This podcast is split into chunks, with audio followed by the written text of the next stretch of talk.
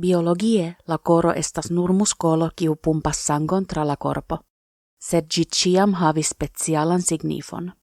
En la epoko de la faraonoi, Egiptoi vidis la coron kiel la sideion de la animo. Gi estis pesata ce la tribunalo de la mortintoi, kai estis considerata attestanto de la vivo de la mortinto.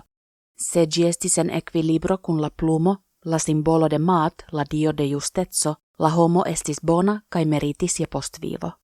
Oni pene mumi igis la coron por postere metigin en la cadavron. La aliai organoi kai la cerbo ali flanke estis consideratai sen valorai.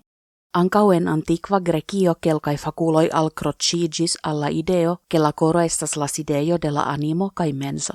Sed la organizo havis concuradon. Alcmeono el crotono malcovris ce mortintai bestoi, che la sens organoi estas connectitai alla cerbo per nervoi, kai attestis la dominan rolon pritio. Ancau Hippocrato poste convincigis de tiu opinio. Aliflanque, por Aristotelo, la coro estis la organo de la animo.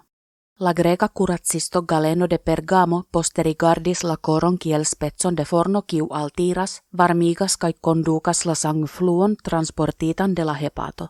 Dum la dexesa jarcento la coro daure estis la focuso de scienzo. Leonardo el Vinci jam prescribis la organon de la cadavroi kiuin li dissectis kiel spetson de pumpilo. Cilasta estis finfine confirmita fare de la angla curatsisto William Harvey en 1612.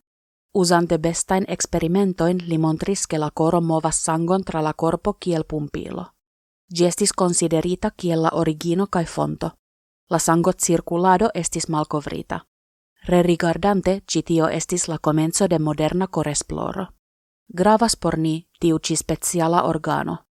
Gi ne estas nur la motoro de nia vivo, sed ancau comunicas kun nia cerbo per la vegeta nerva sistemo.